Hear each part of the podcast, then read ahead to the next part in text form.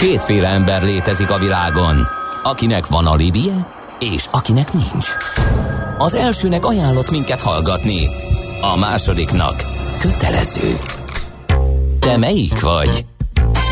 Millás reggeli, a 90.9 Jazzy Rádió gazdasági mapetsója. Ez nem animi, ez tény. A Millás reggeli fő támogatója a Schiller Flotta KFT. Schiller Flotta and Rent a Car. A mobilitási megoldások szakértője a Schiller Autó tagja. Autók szeretettel. Köszönjük a kedves hallgatókat, megyünk tovább a Millás reggelivel itt a 90.9 Jazzy Rádión. Negyed 9 volt pár perccel, és itt van Ács Gábor. Ügyesen, ügyesen körbeírta a pár perccel, jól elcsúsztunk, de igyekszünk gyorsan még azért sok Ki sem merte mondani. Ezért ezen mosolygok éppen Gede Balázs hajtotta végre ezt a cselekedetet. Igen, igen, igen, és uh, 0630 20 10 909 SMS, WhatsApp, Viber számítja megnézzük, van-e útinfónk. Budapest legfrissebb közlekedési hírei, itt a 90.9 jazz Hát, hogyha a hallgatók nem is nagyon írtak, vagy legalábbis én nem látom, illetve az utolsó az a uh, Hungária és Tököliről szóló info volt, de az egy órás, akkor még rendben volt az Árpád, Árpád híd felé.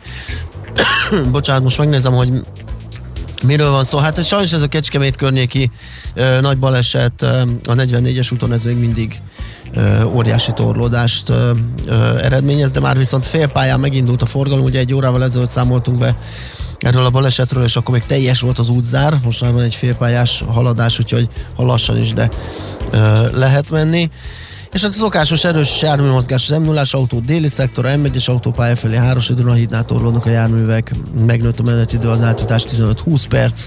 Jó hír viszont, hogy az őszi szünetnek köszönhetően szokásosnál kisebb forgalommal lehet számolni, hogy a főváros közeli Igen. utakon különösen fennakadás nélkül lehet közlekedni, meg a belsőjében. Tanszüneti a forgalmat látok én, és kivéve Blaha mert az mindkét hát, irányból már. Igen. igen, de hogy kifele is, tehát már majdnem az Asztóriától maraszolás, ilyen nem szokott azért lenni. Úgyhogy ott azért hosszabb a menetidő, ez egy, ami kritikusabbnak látszik most. Azt mondja, hogy... Hát, nyomjunk egy végét. nem Na, tudok végét nyomni. Jó, akkor figyelj, akkor elkezdjük, akkor majd egyszer csak át, át, átköthetünk, Jó. igen, igen. Ö, befektetésekkel fogunk foglalkozni, Presinger Gyula lesz, nem lesz, itt van velünk a vendégünk, az MKB Private Banking igazgatója. Szia, jó reggelt! Ilyet kívánok! Na, e, múltkor is végre személyesen itt jártál nálunk, akkor először hosszú idő után, e, és akkor ott valahogy annak a vége, ugye ez az aktív, passzív befektetés, e, kezelés, portfolio management bebonyolódtunk, és arról beszélgettünk, annak egy ilyen folytatásaként most megint felvehetjük a fonalat, és, és megnézhetjük azt, hogy a, a, a privátbanki ügyfeleknél, nem tudom, az elvárás, hogy tudják-e egyáltalán, vagy számítanak-e ilyesmire, foglalkoznak-e ilyesmivel, hogy melyik verzió szimpatikus nekik, vagy mit ajánl a privát bankár nekik? Abszolút foglalkoznak, de uh, tovább is mennék, ez nem egy privátbank specifikus kérdés, Igen. az aktív vagy passzív befektetési stratégiák uh, közötti különbségtétel. Uh, éppen ezért gondoltam, gondoltuk, ennyi Aha. kulisszatitkot talán el lehet árulni, hogy azért a, a, a tematikát előzőleg átbeszéljük, hogy az azért széles körök számára érdekes, érdekes lehet. Hiszen amikor valakinek megtakarítása van, saját személyes tapasztalatom is az, hogy az első kérdés, ami így az ügyfelekbe, partnerekbe felmerül, hogy na akkor most ezzel egészen pontosan mi legyen, hogyan nyúljak hozzá.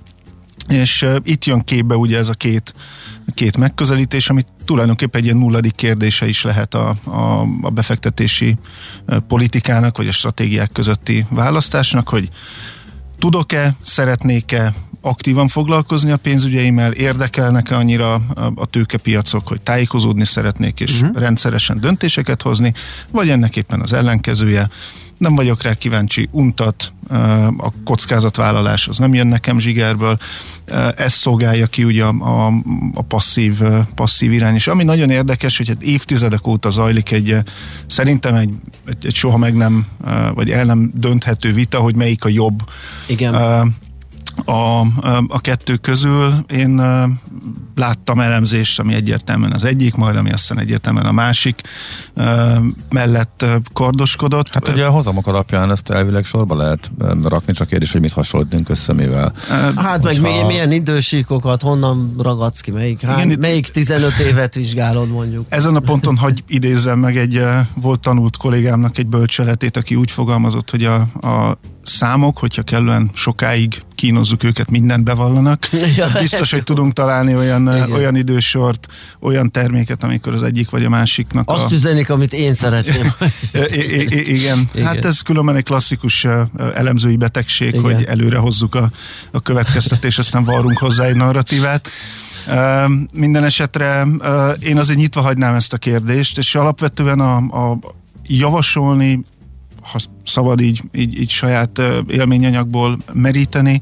Én úgy szoktam, hogy inkább a, a partnerek, ügyfeleknek a habitusát vizsgálom, vizsgáljuk, és kiderül, hogy kinek mi az, ami a személyiségéhez passzol, Aha. passzol jobban. Tehát aki, aki egy aktivista, érdeklődő természet, őt biztos, hogy nem fogom passzív irányba tolni, mert meg fog őrülni, hogy másfél évig nem nyúl hozzá a, a befektetés. És, és ezek ilyen, sokszor ilyen lehet, hogy a hozamtól független dolgok. Tehát pont az, akit mondasz, hogy rohadtul nem érdekli, nem akar vele foglalkozni, és tegyük fel, hogy a statisztika objektíven azt mutatja, hogy a passzív mód kevesebbet hoz, de neki az egy plusz ö, hozadéka a dolognak, hogy nem kell vele foglalkozni, nem rá se kell néznie, meg az ott, az ott csinálja magát. Míg a másik, az izgő mozgó, az meg lehet, hogy azt sem keres eleget vele, de legalább ott bütykölheti, benne lehet, úgy érzi, hogy kontrollálja a folyamatokat, neki meg az lehet egy többlet. Tehát nem is biztos, hogy csak a számok és csak a hozamok ö, döntik ezt el. Um, Ebben az esetben, amikor az egyénre vetítjük és a habitusra dolgot. Ezzel csak egyetérteni tudok, azért a, befektetések világában a, a, nyilván a, az eredményességet hozamban mér, Persze. de annyi, annyi milliónyi faktor van, ami,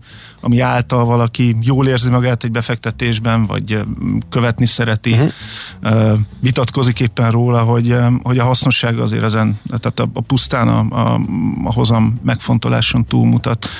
Hozzáteszem, azért van egy olyan aspektus, amit, amivel ezt a két stratégiát egy kicsit közelebb tudjuk hozni, hozni egymáshoz. Ez pedig, és akkor visszautalnék az előző gondolatra, hogy azért sok mindent lehet bizonyítani számokkal, illetve azoknak az ellenkezőjét is.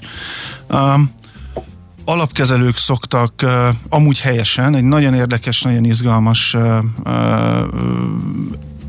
hát egy ilyen kalkulust megmutatni az ügyfeleiknek.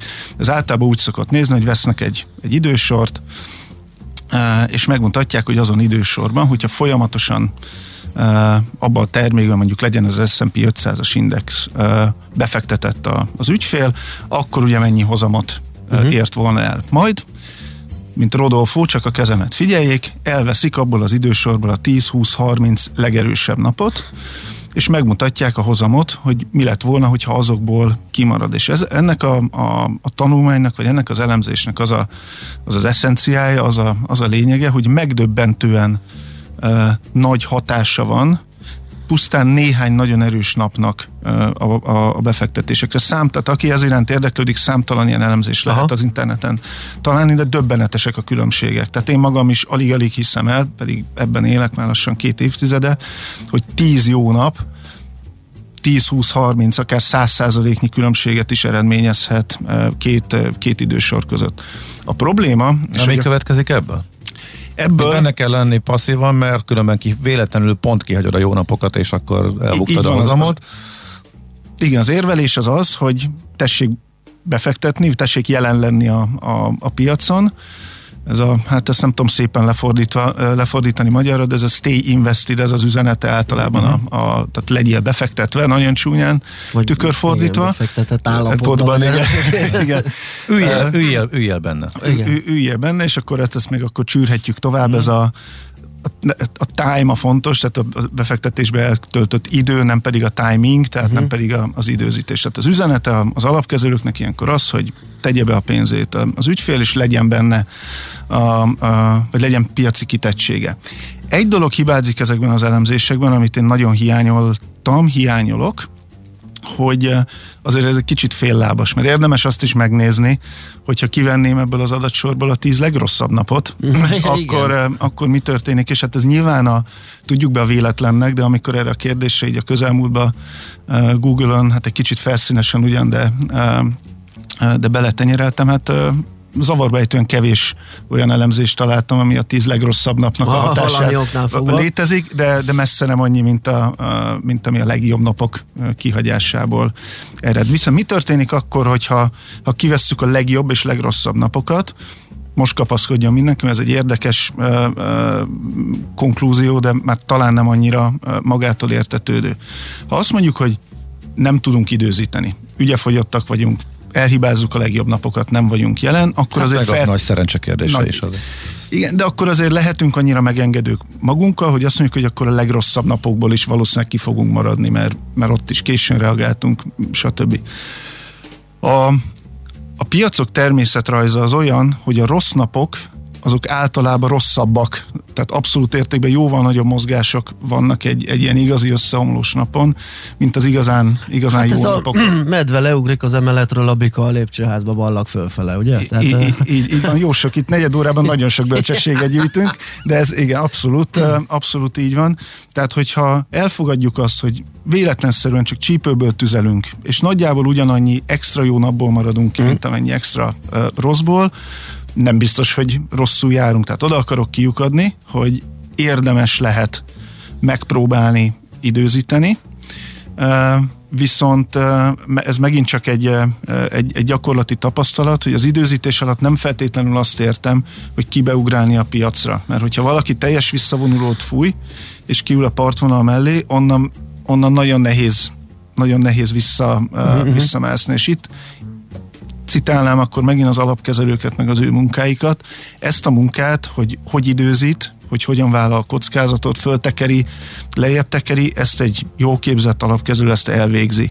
Tehát itt a, ennek a gondolatmenetnek a, a, a vége, a kifutása, konklúziója részemről az lenne, hogy úgy általában bármilyen megtakarítás kezelésére szerintem a befektetési alapkezelők univerzuma az igenis alkalmas, uh-huh. hiszen ezt a dilemmát, hogy aktív legyek, vagy passzív, jelen legyek a piacon, ne legyek, időzítsek, vagy ne időzítsek, ők feloldják, hiszen nekik az a dolguk, hogy jelen legyenek a piacon, ez jó, és hát az előbb levezetettek alapján szerintem meg van abban érték, hogy legalább megkíséred időzíteni egy alapkezelő, hiszen akár véletlenszerűen is, de akkor a, a, a, a nagy bukókból Igen. ugyanúgy ki tud menekülni, mint ahogy esetleg elhibázik egy, egy nagy, mm. nagy emelkedést. Még egy kicsit a forintról beszélgessünk egy ilyen befektetés filozófiai mm. kör után, mert hogy az is nagyon izgalmas, és hát sok fejfájást okoz most, nem pusztán önmagában csak a gyengülés, hanem a gyengülés következményei, az inflációs hatás, nézzük csak meg az üzemanyagárakat, de az egyéb importált infláción keresztül, hogy, hogy mit csinál. És talán kezdhetjük onnan, mert az egy érdekes pillanat volt, az a várakozás az MNB döntésére és az a csalódás. Gyakorlatilag ott egy ilyen szikrával beindult az a folyamat, ami még most is tart, hanem is egy végtében gyengül, kisebb, nagyobb korrekciókkal, de gyakorlatilag most egy elég rossz periódusba került megint a forint. Igen, hát hogyha megidézted a, a kamadöntőülés napjáni ö, megesett forint mozgást. Én azt tudom javasolni, hogy akit egy kicsit is érdekelnek a devizapiacok, érdemes azt a napot alaposan kielemezni, mert tankönyvbe illik az a mozgás, amit aznap a, a, a forint rajzolt. Ugye reggel még nem történt az ég egyat a világon semmi, akkor a reggel ilyen 8 óra környékén volt egy jelentős másfél forintos e, erősödés, ami ugye annak volt köszönhető, hogy hiába várta a piac azt, hogy, hogy 15 százalék, vagy százalék, 15 bázispontot fog emelni a, a, a jegybank, annak a valószínűség, hogy ennél kevesebbet fog mozdulni, az, az közel nulla, semmi tehát semmi.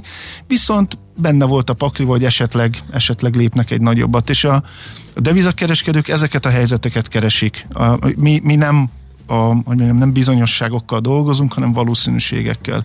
És amikor van egy ilyen nagyon aszimmetrikus úgynevezett kockázat megtérülési profil, tehát van egy várakozás, ahhoz képest egy irányba biztos nem megy a piac, uh-huh. egy másik irányba mehet, ez a kereskedőknek, a profi kereskedőknek egy, egy, egy nagyon jó vadászterep. És ez az, ami látszott a, a, azon a reggeli mozgáson, hogy bizony megjelentek ezen a vadászterepen, és amikor nem jött vad, ugye ez kora délután kiderült, akkor zárták a pozíciókat, elfogadván azt, hogy ez most nem jött be. nem hiszem, hogy bármelyik okay. nagy befektetőt súlyosan érintette volna az, hogy most ez a, a, a, ez a spekuláció, ez nem, nem működött éppen. És ugye a napvégi uh, korrekció az meg pont a pozícióknak, a reggel felvett pozícióknak a, a, a zárása volt. Mindenesetre tényleg egy nagyon szép mozgást uh, írt le ebből a szempontból.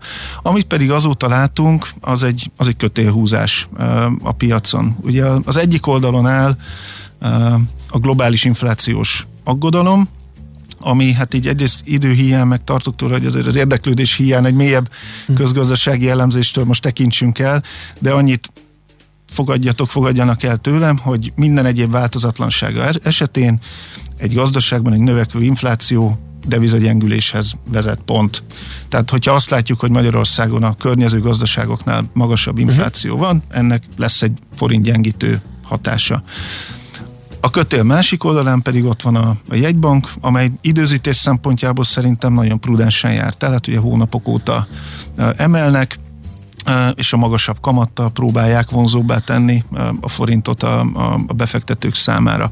Ez igen, a két bocs, hatás... Bocsánat, ez igen, ám csak pontosan akkor, amikor mindenki ráébredt erre, a magyar jegymag viszonylag hamar kezdett emelni, meglepetés, meglepetést is okozott ezzel. Aztán pont egy olyan időszakban, amikor mások is ráébredtek és elkezdtek emelni, a Magyar Jegybank visszafogta magát és visszaváltott kisebb emelésre. És azóta gyengül a forint. Ez, ez a rész nem világos nekem, hogy ezt miért. Így. Én azt gondolom, hogy a, a jegybank keret szeretné elkerülni azt, hogy azzal legyen vádolható, hogy őt a piac tolja. Tehát uh-huh. nekik van egy, van egy inflációs pályájuk, egy ehhez uh-huh. projektált kamatpályájuk, és ők ehhez fognak, én azt gondolom, ragaszkodni. Én, én értem a, a befektetők igényét a kamat és hozam iránt, de amikor ilyen, ilyen 10-15 bázispontokat kérünk számon egy jegybankon saját magunkon, miközben egy, egy, egy napi mozgás is lehet akár fél százalék, hát még egy éves elmozdulás. Igen ezeknek szimbolikus jelentősége van, valójában én azt gondolom, hogy egy, tehát érdemben ezek a kamatkülönbözetek azért nem, nem fogják befolyásolni, nem kéne, hogy ilyen, ilyen érzékenyen befolyásolják a döntéseket. Hát Ko- nem kéne, de a befektetők ugranak rá. Ugranak rá, de ugye pont azt látjuk az elmúlt pár napban, hogy, hogy éppen jön vissza a forint, tehát olyan nagyon tartós, tehát ugye senki nem gondolhatja azért komolyan, hogy 15 bázisponttal kevesebbet lép a mhm. jegybank, és akkor elmegyünk 400-ig. Tehát, hogy ennek, ennek szerintem, tehát ez egy erős túlreagálása lenne. Uh-huh.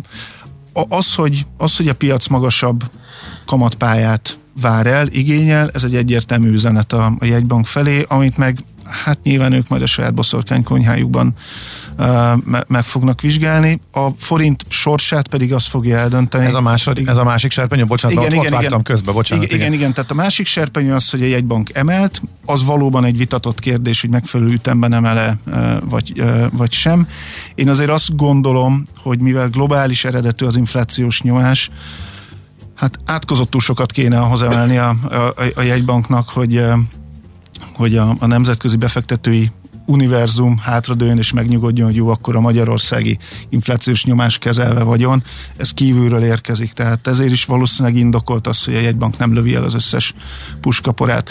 Minden esetre... Számos része nem monetáris mm, probléma, tehát egy, egy chip hiány okozta autó ár emelkedésre nem lesz hatása semmilyen kamatszint. Í- így van, maximum debilizáljuk a gazdaságot, Igen. miközben nem is a, a, a kiváltókat Igen. kezeltük. Tehát eh, én, én Kicsivel türelmesebb lennék a jegybankkal, mint a piac általában, uh-huh. de hát ez csak egy vélemény a millió, millió hát közül. az idő nekik fog dolgozni, hogyha itt az öt körül megy a himbilimbi az inflációból, az idő halad, ők pedig ezt uh-huh. hozzák ezt a 15-öt, akkor azért a piac is meg fog nyugodni, mert lassan odaér a kamatszint, ami meg abszolút mm, illeszkedik az Nem köteleződtek el a, a kamatpálya vége Igen. tekintetében, tehát ez át fog várhatóan uh-huh. nyúlni a, a jövő évre is. Így a forint sorsát én szerintem végeredményben azt fogja eldönteni majd, hogy elhiszi a piac az, hogy ez a leszállított kamatemelés ez, ez mérsékelni fogja az inflációs nyomást. Abban a pillanatban, ahogy ez a hit, ez megerősödik, a forint stabilizálódni fog, esetleg egy kicsit vissza is fog tudni erősödni. A következő pár hónapra az én személyes véleményem az az, hogy azért inkább a mérsékelt gyengülés irányába megyünk el, de rekordgyenge forintra mm. én a magam részéről nem számítanék. Oké, okay, ez jó végszónak. Köszönöm szépen, hogy eljöttél hozzánk. Szép napot neked. Persinger Gyulával beszélgettünk az MKB Private Banking igazgatójával megyünk tovább hírekkel. Műsorunkban termék megjelenítést hallhattak. Aranyköpés a millás reggeliben. Mindenre van egy idézetünk. Ez megspórolja az eredeti gondolatokat. De nem mind arany, ami fényli. Lehet kedvező körülmények közt gyémánt is. Na nézzük a mai aranyköpésünket Bill Gates től vettük. Azt mondta egy alkalom, beszületésnaposunk, hogy a siker rossz tanítómester. Tehetséges embereket abban a hitben ringat, hogy soha nem veszíthetnek. És ez el kell, hogy mondjam, a tőzsdéken a alapigasság. Tehát aki bika piacon, emelkedő piacon szocializálódik és elhiszi, főleg ha az több évig tart, és most ez a periódus, és most nagyon sok okos tőzsdés felcseperedett, mert akár tíz éve lehet keresni, és meggyőződésük, hogy marhára megy nekik, majd amikor jön egy ilyen purgatórium, majd akkor fognak Szerintem nem tőzsdei értelemben mondta. Nem, nem, nem, de, nekem de ez is, de ott is nagyon. Ez, ezért, mert én ezt nagyon sokszor mondom, és hangoztatom, és nem, nem, ez egyébként máshol is abszolút alapvető hiszen ez, ez egy ilyen mentális, pszichés sztori, úgyhogy szerintünk, szerintem teljesen igaza. Aranyköpés hangzott el a millás reggeliben. Ne feledd, tanulni ezüst, megjegyezni arany. A műszer neked egy fal, a sebesség egy váltó, a garázs egy szentély. Zavar, ha valaki elbetűvel mondja a rükvercet. Mindent akarsz tudni az autók világából? Akkor neked való a millás reggeli autós rovata. Futómű. Autóipari hírek, eladások, új modellek, autós élet. Kressz. Csak még egy szó, hadvezér effektusként találkoztam ezzel valamilyen írásban. Aha. Tehát tipikusan halmozza a sikereket, és totál azt hiszi, hogy, hogy mindent Igen. lehet, és már, már Na, itt van velünk Várkonyi Gábor, autószakértő, szavasz, szavasz, szavasz, van szia uram, Ó. AdBlue érdekel. Kifogyott az AdBlue a molkuta. Nem, nem Szia uram, van-e magnézium? Szia uram, van-e alumínium? Igen, és sorolhatnánk. És ilyenek. Mi, Na mi van? De hogy működik ez az AdBlue Magyarországon? Kifejlesztettem jó nap Richard után a Kabul pillanat helyett a WC papír pillanatot Ó. a különböző, Igen. különböző nyersanyagok Igen, piacán, igen, ugyanis, igen. ö, ugyanis itt a, a, a mániák, meg a valós hiány, meg a, a hú, akkor vegyünk és, és rakjuk el, mert az jó lesz nekünk, típusú dolgok összetalálkozása együttesen okoz problémát egyébként De majdnem az a minden. baj, hogy én ezen gondolkodtam uh, már a múltkori rohamokban, meg most is, hogy ez egy olyan emberi pszichés dolog, tehát amikor ismeretlen a vége, akkor nem Persze. tudod, hogy hol van a vége, hogy hol, hol lesz neked a, a, De ez a- azért a- kell a pánikkeltés. Kell a pánikkeltés, a pánikolás is. Sok minden egyszerre, igen. Tehát, hogy eleve egy, ez olyan, mint az önbeteljesítő inflációs jóslat. Tehát, Á, hogy, Béla, így van, az Ad- ad- inflációs spirál, az gyönyörű. AdBlue-ba kikelti a pánikot, hogy a MOL kénytelen volt limitálni a hát eladásokat. nyilván megjelentek erről a hírek. A MOL pont a pánikot akarja csökkenteni, tehát nem azért limitálja, mert nincs neki, Nem, már hanem- most is so- sokszorosára nőtt. Ö, igen. Már, már arra reagált, tehát akkor valami már, már ott történt.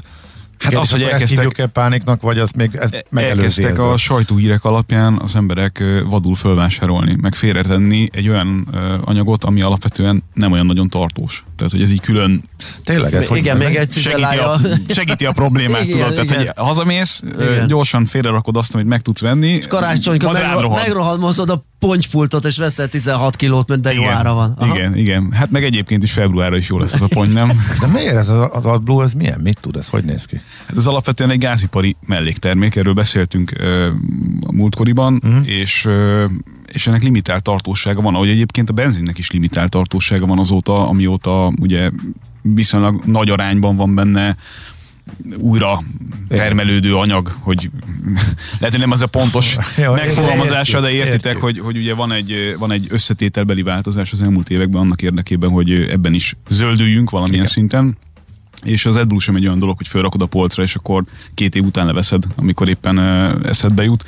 Tehát A. Személyautó oldalon átlagembernek azért itt rettenetesen nagy félnivalója nincsen. Egy AdBlue egy modern dízelben általában akkora tartályjal adagolódik a, a, az égés termék tisztításához, vagy akkora tartályból érkezik ez, hogy ö, 10 kötőjel 20 ezer kilométeres direkt hagyok ilyen nagy intervallumot, mert függ attól, hogy milyen márkáról beszélünk, hogyan vezeted az autót, stb. Mondjuk 10, mondjuk az 10 kötőjel 15 ezer kilométert azért egy feltöltéssel általában gond nélkül meg lehet tenni. Tehát ez nem ez nem az a kategória, ami szerintem jelentősen átlagember szempontjából jelentősen érinteni fogja az ő mindennapi felhasználását. Azt tudni kell, és ez így több, többször följött az elmúlt héten a, a, a mindennapi tevékenységemben több ügyfél esetében, hogy, hogy akkor nézzünk olyan dízelt, amiben ilyen nincsen de ilyen pedig nem létezik. Tehát, hogyha ha Euro 6-os dízelről beszélünk, annak is az evolúciós fokáiról, tehát mondjuk 2016 utáni autó, így általánosságban, vannak ott még a határán olyanok, amik még kibírták AdBlue nélkül az Euro 6-ot, de gyakorlatilag az elmúlt mondjuk négy kötőjel öt évnek az autói, azok már mind adblue amelyek Euro 6-os dízellel működnek. Nos, ezekben teljesen mindegy, hogy A, B vagy C típusú márkától vásárolsz magadnak valamit, mindegyikben lesz az a rendszer. Máskülönben nem tudod teljesíteni a nitrogén-oxid kibocsátással kapcsolatos előírásokat. És ugye, amiről um, néhány évvel ezelőtt egy botrány kapcsán meséltem nektek, uh, hogy ugye le kell állnia az autónak akkor, hogyha ez kifogy. Igen. Ez egy, ez egy kötelezvény. Ez persze lehet illegális ötleteket igen, adni, hogy mit csinálj vele, csak ezt ne csináld, mert alapvetően tényleg rettenetesen sokkal-sokkal károsabb alapvetően a környezetnek. A részecske szűrő effektus. Így van, így van. Tehát alapvetően, ha valamit belőnek dekára pontosan egy, egy típusú működésre, akkor hogyha abból egy komponenst kiveszel, az rosszabb lesz, mint Persze. amikor eleve nem volt benne ez a történet. Ezt kell valahogy értelmezni annak, aki azon gondolkozik, hogy ebből kiiktat bármit mhm. ebből a rendszerből. A, a gond, ha egyáltalán lesz gond, az inkább ugye azoknál a felhasználóknál van, akik ö, hivatásszerűen nagyon sok ezer kilométert mennek heti szinten. Ott ugye hamarabb tudnak fogyni ezek a készletek, tehát a, az építőiparnak ö, bizonyos ö, ö, markolói, mit tudom én, teherautó is, stb. A, a, a buszok, a minden olyasmi, ami ugye dízel alapú és, és komoly feladatokat Kamionok, kell elvégeznie. Így van. közlekedés, igen, tehát azért az... Erre oda kell figyelni, de azért ö, érdekes módon itt a, a környezetünkben lévő országok többségében nem nagyon tapasztaltak ehhez a hasonlatos ellátási zavarokat. Tehát én nem azt mondom, hogy nincs ez a jelenség, hanem annyit állítok abból, amit így szerintem egy picit nem teljesen tisztán és nem teljesen kristálytisztán lehet látni, hogy, hogy az ok és az okozat kérdése az nem biztos, hogy egyértelmű jelenleg a, a, a pánikkeltés kapcsán. Aha. Nagyon egyszerűen elmondva a dolgot. Meglátjuk, hogy ez, ez hogy fog feltornyosulni, illetve hogy a MOL erre hogyan tud reagálni, vagy más kenőanyag kereskedők, ahol ezeket általában ugye... Ugye emeletileg csak a Gábor kérdésére, hogy a MOL azért reagált így, nem azért, mert nagyon fogy, hanem pont azért, mert hogy a, a hisztit akarja csökkenteni, mert az viszont nagyobb bajt generál. Igen, Tehát hát a felhalmozás, az a plusz kereslet, de az aztán abszolút kiakasztja a maradék kapacitásokat Jó, de a, a problémának a beismerése, ez sokszor olaj a tűzre.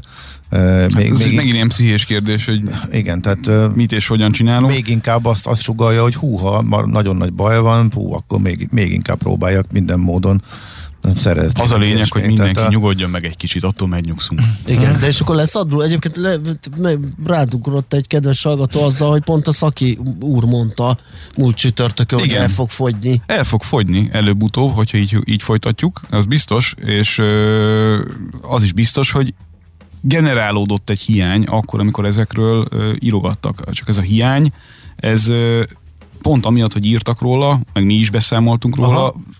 Nyilván kiváltotta azt a hatást, amit most látunk, hogy uh-huh. az is egy vesz, akinek nem feltétlen kellene, ami gyorsítja azt, erre, erre azt mondod, a folyamatot. Erre mondod, hogy pánikkeltés? Igen, igen. Tehát így magunkról is, hogy beszélgettünk hát, róla? Tehát egy ha ez egy, egy beismerő hát, vallomás kell, hogy legyen, de, igen, de, lehetséges, hogy, hogy a, a probléma el lett túlozva a sajtóban, igen. Ez, ez aha, simán jó, lehetséges. Including aha. saját magunk. Oké, okay, uh-huh. rendben van. Mert hogy, mert hogy pont... vagyunk. Hát de hogyha ha ez van, de akkor ez van. De, de, de most egy nagyon... Hát, ilyen a természet ennek a... Ennek ha, a olvasol, ha olvasol arról, hogy, hogy, hogy fogyóban van, utána uh, beszélsz olyanokkal, akik uh, mondjuk a fuvarozásban uh, vagy ilyen dolgokban érdekeltek, és ott is azt az infót kapod, hogy fogyóban Igen. van. Majd beszélsz mondjuk uh, autoimportőrökkel, és ott is azt az infót kapod, meg, meg szervizekkel. a kultra, hogy te szerzel, és ott azt közlik, hogy csak egy És ott is fogyóban van, meg, meg empirikus úton azt tapasztalod a haveroktól, hogy akartak venni, és fogyóban van, meg rád ír egy csomó ügyfél, hogy kellene, de nincs, akkor valahogy azért kialakul benned az a kép, hogy, hogy ez nagyobb ez a probléma, mint, mint sejtettük. Aztán amikor más adatok jönnek vissza máshonnan, egy kicsit később, akkor lehet, hogy korrigálni kell ezt a mhm. történetet. Most szerintem ez a korrekció történik éppen. Történik. Na jó, hát erre visszatérünk, mert erre vissza is kell, mert ugye egy nagyon fontos cuccról van szó, és hát most egyelőre még nem látunk bele, ugye, hogy vagy mi lesz a folytatás. A gázválság az, az egyelőre tovább tart, bár talán csillap podni látszik, hát ugye aztán ezzel párhuzamosan majd beindulnak itt a gyártások, hogy mi lesz vele, azt majd fölvesszük azt a fonalat, de talán a Teslával is érdemes foglalkozni. Mindenféleképpen, hiszen egy nagyon jó negyedévet zártak, és ugye a herces megrendelés az hát egy nap alatt mega. Hát nem egy nap, az három napja tart. De egy nap alatt akkorát hát emelt alatt, a, a sztorin, amekkora a Daimler teljes tőzsé értéke. Ja, az volt egy nap. Az egy nap, amennyire. Ha jól értelmeztem a számokat, azért az elég erős. És ami, ami szerintem lényeges, és ami, ahol, amikor, amikor tényleg igazán megőrültek a, a tőzsdések, az, az a pont volt, amikor napvilágot látott az az információ, amit sem megerősíteni, se cáfolni nem lehet jelen státuszában, hogy úgy adtak el 10 ezer autót, tehát úgy kötöttek le 10 ezer autót, ugye, a Hertznél, igen, hogy nem nem kellett semmifajta szokásos autókölcsönzőknek juttatott diszkontot adni 10 ezer autó esetén sem. De 10 ezer vagy 100 ezer? Én tízezerre emlékszem. Százezer, várjál, mindjárt megnézzük. Százezer, azt hittem, hogy Azt tudom, hogy százezer, bocsánat, százezer, igen igen igen, igen, igen, igen, igen, igen, mert ennek a a nyereségtartalma, ha Tesla oldaláról nézzük, akkor 4,4 milliárd dollár körülbelül, amit ezzel az egy ügylettel aha, aha. nyerhetnek. Listáron meg, Listár, és ez a lényeg. Tehát, hogy, a herc. Igen, ez a lényeg. Ez a lényeg. Ez az egésznek szerintem az alapvetése. Nem a, nem a tízezer vagy a százezer autó, bocsánat a, a, a előbb említett rossz számért, tehát nem a százezer autó, hanem az, hogy egy herc jellegű cégnek, amelynek ugye, mint minden autó kölcsönzővel kapcsolatos cégnek, a core business az, hogy olcsóbban vásárol autót. Igen, igen, és, igen. és lehetőleg minimalizálja a veszteségét akkor, amikor kifutotta magát a, az autó a parkból, és mondjuk közel annyira adja el, mint amennyire vásárolta. Tehát ha, ha ez a rész kimarad az üzleti modellből, az azt jelenti, hogy, hogy egy autókölcsönző úgy érzékeli, hogy ezeknek az autóknak az újraeladhatósága, meg az, amit hoz nekik, akár image, akár üzemeltetési szempontból, az többet ér, mint az a diszkont, amit adott esetben el lehetett volna érni egy ilyen dolgon. Tehát inkább vásároltak százer autót lista áron a Teslától, mint hogy vásároltak. De meg hát a szerződés részletei nem ismertek, tehát lehet oké okay, lista áron, de lehet, hogy kap egy akupak cserét például. De olyan hosszú ideig még nem szokták ezeket. Tehát ugye egy herceg ja. nem az az alapvetése. De jó, de ez, ez más játék az elektromos autó. De olyan hosszú ideig a hagyományos autókat nem tartogatja, mert, a herc, nem, de egy herc, elektromos... A herc azt mondja, hogy lesz arra igény nála, hogy tömegesen magas áron ezeket az autókat elviszik, megfizetik, és ezzel fognak furikázni minden hosszú távú hátrányát ismerve Teslákért irgalmatlan rajongás lesz, és rengeteg, akik megfizetni nem tudják, majd ki fogják bérelni. És Adott esetben, vagy olyan plusz, üzleti utazók, akik... Plusz annyira jól fogja tartani az értékét, mert az autókölcsönzők két, két három éves koroknál tovább soha nem tartanak autót. Hát inkább, ki, nem? inkább, inkább, inkább egy év, vagy még annál is, is rövidebb. Félkötőjel egy év, attól függ, hogy milyen cégről beszélünk.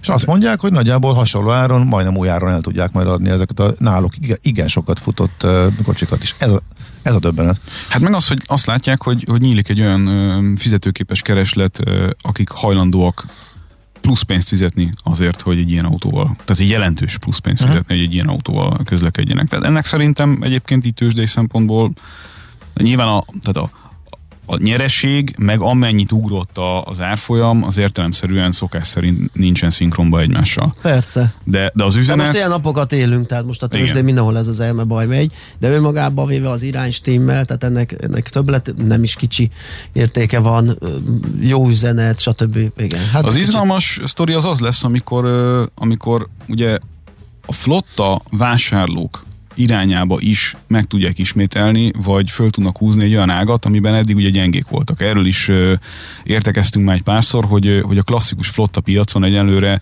nem, nem mutattak nagy aktivitást, nagyon sokokból kifolyólag, de azt gondolom, hogy a, a cég életében eljött az a pillanat, amikor erre is rá fognak tudni fordulni. És az, az izgalmas lesz. Az szerintem nagyon izgalmas lesz, és, a, és gyakorlatilag a klasszikus autógyártók szemszögéből nézve lesz szerintem nagyon izgalmas, mert egy olyan szeletet, egy olyan pillanatot, egy olyan helyszínt találnak meg üzleti szempontból, ami őket érzékenyen fog érinteni. Ez az a herc, ami most jön ki a csődből? Igen. Igen, tehát így külön pikáns. Érdekes azért. Most rákerestem, és, de én ezt mondom évek óta, és mindenkinek ezt javaslom. Na. Michael Burry aki neki ment a Teslának igen? sort, mert ő a Big Short. Igen, igen, igen. igen. A, Október 15-én Michael Burry says he's no longer betting against Tesla. Mikor mondta ezt? 15-én. Pont most jutott eszembe. Eddig Kicsit nem, több, mint egy hete. Nem kerestem uh, rá eddig, de Pedig ő nagyon... hogy meddig fogja ezt, vagy tudja-e tartani, vagy hogy mi történt a pozíciójával, mert mondom, lehetetlen ezt már kiülni. De az biztos, tehát a, főleg itt a legutolsó emelkedést, azt, azt tudja, hogy mindenkit kirázott ezekből Igen. a pozikból. Azt de ő ezt hamarabb rázta ki magát ezek szerint, mint ahogy ez történt most. Lehet, hogy tudott valamit. hát nem tudom, de az kétségtelen, hogy, hogy ez tényleg életveszélyes. Én, én egyébként szerintem, én most már minden vállalati sortot befejeztem már egy jó pár éve, mert ugye a vállalatnak az az érdeke, hogy a, még a rosszon is javítson. Tehát a menedzsment azon dolgozik, hogy a vállalat jól működjön. Tehát mindig előjöhet a pakból valami olyasmi, ami... ami... Storytelling. ami, ami érdekes még nyersanyag hiány szempontjából, most már ezekkel is ugye ugyanúgy óvatosnak kell lenni ezek szerint, mint a sortolással, meg, a, meg az AdBlue-val, meg a WC papírral. ja, ja, kérdezi is, hogy hallgató, igen, azt mondja, chip hiány, adalékhiány, munkaerőhiány. Mi lesz a következő? Magnézium és alumínium hiányról uh, írnak, ja. méghozzá azért, mert uh, a de vehetsz méreg drágán a csődből éppen kikecmergő Hertznél százer Tesla. Tesla igen, igen, igen, vezethetsz. Igen, vezethetsz. Igen. Tehát a, az alumínium és magnézium hiány, ami ami kapcsán az európai autóipar nagyon erősen a kínai beszállítókra, ha jól olvastam és jól emlékszem a számra, hogy gyakorlatilag 90%-ban a kínai beszállítókra támaszkodik, uh-huh. és ugye azt mind a ketten, ugye az mind a két dologról el lehet mondani, hogy nagyon energiaintenzív az előállítása. És ugye ha most a hírek igazak, már pedig Kínában olyan nehezen lehet belelátni, akkor azt lehet mondani, hogy energiaintenzív dolgokat annyira nem akarnak jelenleg exportálni, hogyha ha, ha jól látjuk a folyamatokat.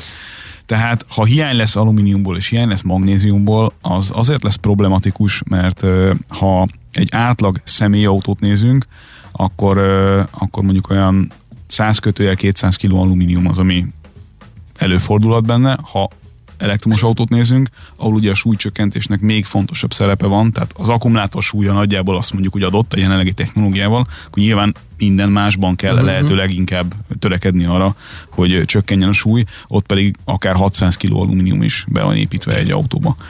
Most, hogyha ebből kevés lesz, főleg a magnézium kapcsán, ami ráadásul megint csak egy ilyen oxidálódó történet, tehát az se lehet... Aha, aha. Az mit csinál a magnézium az autóba? Ma az oké, okay, hogy nem, hogy nem görcsöl be a vádlim, de hogy a autóba hogy jön ez? Nyalogathatod a magnézium alkatrészeket, és gyakorlatilag súlycsökkentés. Aha.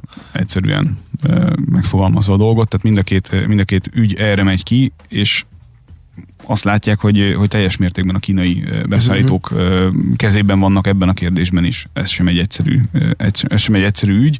És akkor jött még múlt héten, hogyha van egy nagyon pici időnk, egy hír egy arról, pici. egy nagyon, egy pöti hír, hogy a japán autógyártás és a japán autógyártók is, is egyre nagyobb skálán próbálnak mégiscsak fölülni erre az elektromos autóvonatra. Ugye arról a japán autógyártók szemszögéből nézve sokat beszélgettünk arról a dologról, hogy egyszerűen nem annyira érzik ezt, a, ezt az elektromos autó dolgot kizárólagos útnak. A japán új autó eladások kapcsán az, autók, az autók 40%-a valamilyen formában elektrifikált. Tehát vagy hibrid, vagy plug-in hibrid, de csak 0,4%-a tisztán elektromos. Uh-huh. Tehát az annyira minimális, hogy, hogy egyenlőre még szerepet.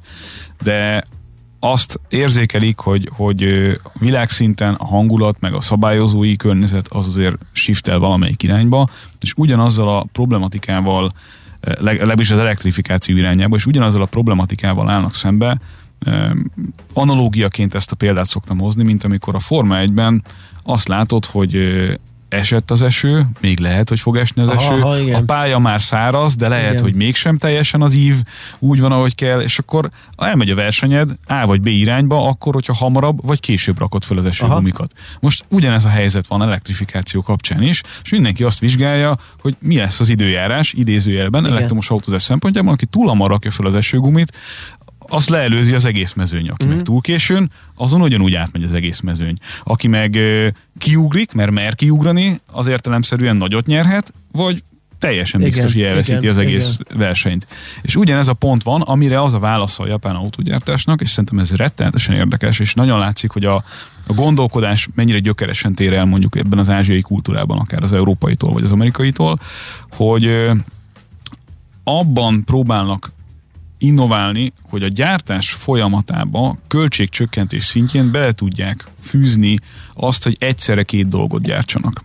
Tehát, hogy, hogy egy gyárban működjön nagy skálán a, a belső égésű és az elektromos autónak a gyártása, lehetőleg egy gyártósoron, mert ez 10-15 százalékos költségcsökkentést tud hozni teljes ö, gyártási folyamatra nézve, és megadja azt a rugalmasságot, ami kell ahhoz, hogy azonnal tudjanak ö, gumit váltani, amikor, amikor helyzet van idézőjelben. Borzasztó érdekes. Tehát ők nem azt mondják, hogy, hogy all in, és akkor csináljuk azt, hogy villany és kész, aztán majd vagy jön a piac, vagy nem jön a piac, vagy elsők leszünk, vagy utolsók, hanem ez az óvatos tapogatózás, ahol a költség, meg a, meg a língyártás, meg minden, amit ugye a japánokkal ö, ö, kapcsolunk össze, az ennek az előnyeit próbálja kihozni. Borzasztó érdekes, érdemes szerintem utána olvasni. Hát nagyon köszönjük, nagyon jó kis sztorikat hoztál, jót beszélgettünk, úgyhogy Mindenki menjen további szép napot. AdBlue-ba itatott WC papírért. Igen. Igen. Megszavaztuk, hogy jövő héten is igen, Be, beengedünk. Várunk, várunk sőt, sőt, várunk a stúdióban. Hozok egy kannával. Na, valami kéket, oké, okay, köszi. Sziasztok. Szia. Várkonyi Gábor autószakértővel beszélgettünk. Hírek jönnek, aztán folytatjuk. Most lefarkolunk, de jövő héten megint indexelünk és kanyarodunk, előzünk és tolatunk a Millás reggeli autós rovatában. Futómű a világ négy keréken. Műsorunkban termék megjelenítést hallhattak.